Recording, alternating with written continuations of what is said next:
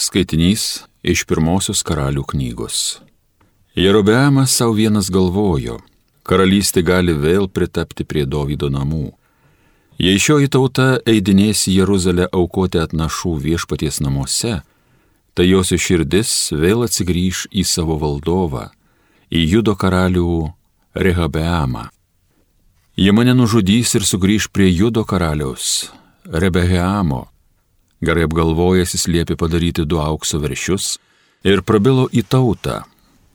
Jūs jau per daug į Jeruzalę prisėjote. Izraeli štai čia tavo Dievas, kuris tave išvedė iš Egipto.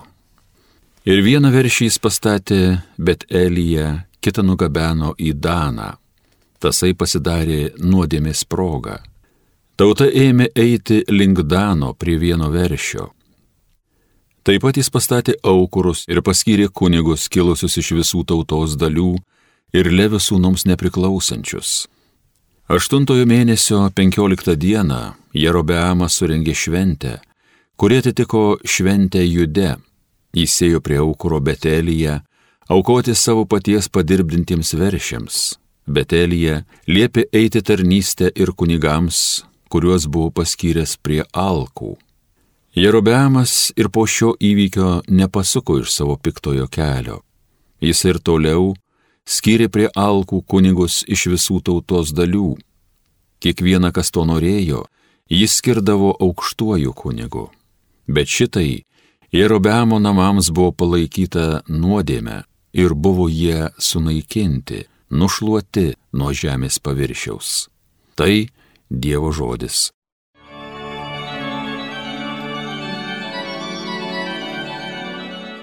Viešpatie, mūsų atsiminkė mylėdamas tautą.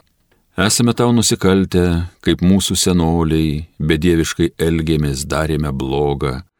Mūsų tėvai iš Egipto išėję tavo stebuklų nepaisė. Viešpatie, mūsų atsiminkė mylėdamas tautą. Horebe veršį jie pasidirbo, garbino stabą auksinį ir užuot šlovinę Dievą lenkėsi galvijų žolėdžiam. Viešpatie, Mūsų atsiminki, mylėdamas tautą.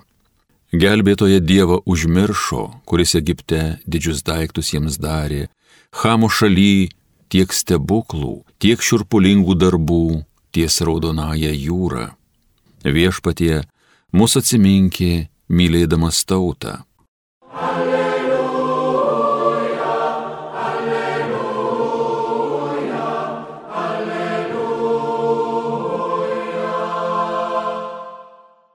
Žmogus gyvas ne vien duona, bet ir kiekvienu žodžiu, kuris išeina iš Dievo lūpų.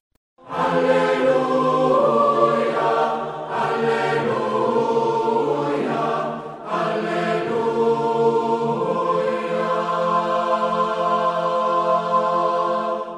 Viešpat su jumis. Pasiklausykite Šventojios Evangelijos pagal Morkų. Susirinkus gausiai miniai, ir žmonėms neturint ko valgyti, Jėzus pasišaukęs mokinius tarė. Gaila man minios. Jau tris dienos žmonės pasilieka su manimi ir neturi ko valgyti.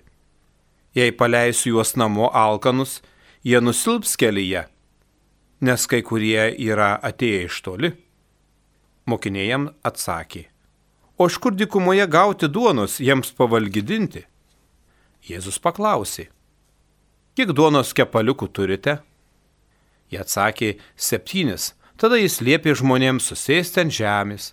Paėmė septynis kepaliukus, sukalbėjo padėkos maldą, laužė ir davė mokiniams dalinti, ir jie padalino miniai. Jie dar turėjo kelias žuveles. Jėzus palaimino jas ir taip pat liepė dalinti. O žmonės pavalgė iki soties. Ir mokiniai dar surinko septynes pintines likučių. O buvo apie keturis tūkstančių žmonių. Jis atleido juos ir netrukus, įsėdęs su mokiniais į valtį, nuplaukė į Dalmanuotos srity. Girdėjote viešpaties žodį.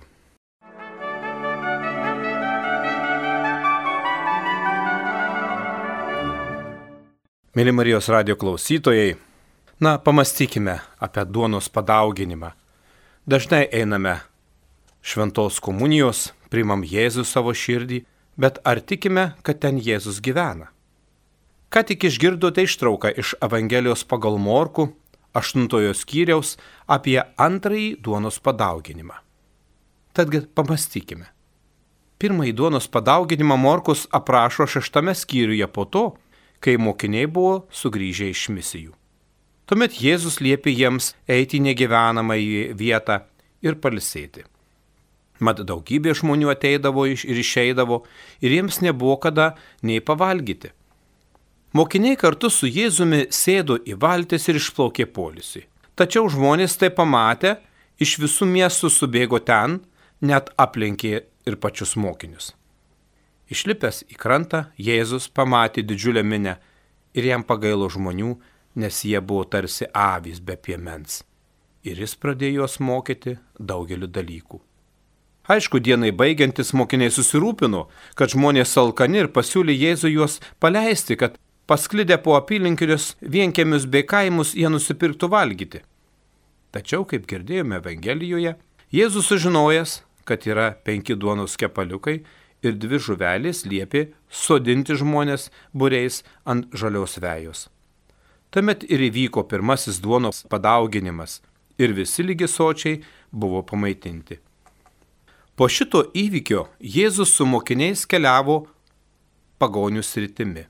Visur kaip mat susirinkdavo minios žmonių, kurie su savimi atgabendavo raišų, luošų, aklų, nebilių ir daugelį kitų, kamuojamų sunkiomis dvasinėmis bei dvasinėmis negaliomis. Jėzus visus juos pagydydavo. Žmonės stebėjusi, matydami nebilius kalbančius, akluosius matančius, luošus ir raišus vaikščiojančius, ir visi garbino Izraelio Dievą. Šiandien Jėzus su mokiniais sutinkame Dekapolio srityje. Anot evangelisto Morkaus, vėl susirinkusius gausiai miniai ir žmonėms neturint ko valgyti, Jėzus pašaukęs mokinius tariai, gaila man minios. Nes jie jau tris dienas žmonės pasilikę su manimi ir neturiu ko valgyti. Taigi pirmą kartą mokiniai pirmieji susirūpino. Na ir pasiūlė Jėzui paleisti žmonės, kad galėtų pasirūpinti maistu. Šiandien git pats Jėzus tuo pasirūpino ir išreikšdamas gailesti pasakė, jei paleisiu juos namo alkanus, jie nusilps kelyje, nes kai kurie yra atėję iš toli. Aišku, mokinių reakcija keista. Tarsi nebūtų buvę pirmojo duonos padauginimo stebuklų. Ir jie paklausė, o iš kur dykumoje gauti jiems pavalgydinti duonos? Nejau jie buvo pamiršę, kas buvo įvykę prieš keletą dienų? Tikrai ne. Tačiau jie vis dar žvelgia Jėzų kaip į stebukladarį. Jėzaus dienomis Izraelio tauta atstumė Jėzų dėl to, kad jis netitiko jų įsivaizdavimu. Jėzui nepateisinus žydų tautos lūkesčių, jie nusprendė, kad jis yra pavojingas eretikas ir jį nužudė. Mokiniai taip pat iki galo nesuprato Jėzaus, nes jis nepaisė jų lūkesčių, na, tam tikrą nepateisino. Tiesa, jie jo nenukryžiavo, o tiesiog paliko iš baimės ir išlakstė. Pagrindinė priežastis, kodėl mokiniai jį apleido, buvo ta, kad Jėzus elgėsi ne taip, kaip anot jų turi elgtis Mesijas. Todėl, esant Jėzui gyvam, Mokinai taip ir neįstengia iki galo suprasti Dievo meilės didybės ir ką jis pasiryžęs padaryti, kad atpirktų žmoniją. Jie net nesuprato ir įvykio su duona. Ir tai jie žvelgia kaip ypatingą stebuklą, kuris antrą kartą negali pasikartoti.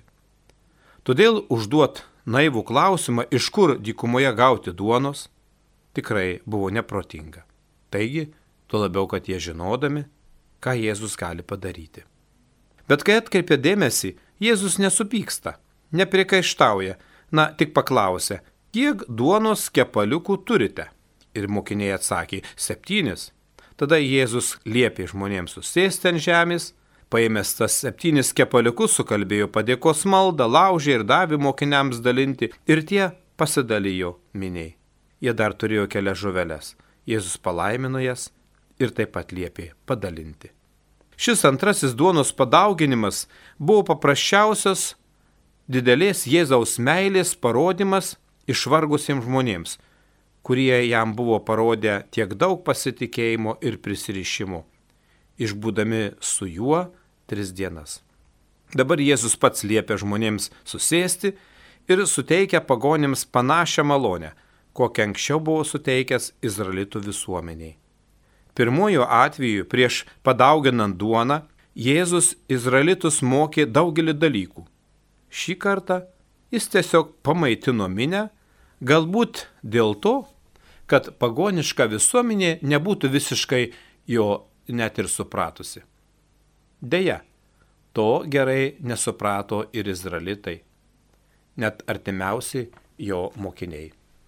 Po to Jėzus žmonėms liepia eiti namo nors nebejotina, kad jie būtų norėję dar ilgiau pasilikti su juo. Tačiau jis, įsėdęs su mokiniais į valtį, anot Evangelijos, nuplaukė į kitą sritį. Mėly Marijos radio klausytojai, ką šiandien nori Dievo žodis mums pasakyti? Ko galėtume pasimokyti iš jo į tai, ką girdėjome? Pirmiausia, mes negalim stebėtis mokinių neišmanimų Istorija kartoja tas pačias klaidas. Iš jų pasimoko tik tie, kurie pastebėję, kad jas kartoja, nesmerkia nei vieno, o tik prašo pasigailėjimo savo ir kitiems. Antra, mokiniai kėlė klausimą, iš kur paimti tiek duonos, kad visus pasotinti. Jie puikiai suprato, kad jų atsargų pakaktų tik jiems patiems pasisotinti tačiau didžiuliai miniai tai būtų tik tai lašas jūroje. Tačiau jie į šią mažą lašą patikė Jėzui. Tai jis padaugins taip, kad visi galės pasisotinti. Ir tai įvyksta. Taip ir mes viską patikėkime Jėzui. Ir jis padaugins mūsų galimybės, kad galėtume padėti stokojantiems ne tik tai materialinio maisto, bet ir Dievo žodžių. Na ir trečia. Jėzus pats neduoda duonos ir žuvies tiesiogiai žmonėms. Tam veiksmui įjungia savo mokinius. Taip mokiniai patys dalyvauja tame stebuklė. Jie tampa ne tik tai liudytojais, bet ir vykdytojais. Tad Jėzus ir šiandien neturi kitų rankų, tik mūsų. Tik tai per mus jis gali veikti šiame pasaulyje. Tik per mus gali vykdyti savo išganomąją veiklą. Todėl nuoširdžia malda, kiekvienas prašykime šiandien, kad šventoji dvasia atvertų mūsų širdies akis, kuriomis galėtume pamatyti visus brolius ir seseris, kurie yra vieniši, apleisti ir kurių širdys yra šiandien sužeistos. Prašykime kartu Jėzaus mokyti mus visus mylėti taip, kaip Jis, ir visus maitinti jo žodžiu. Amen.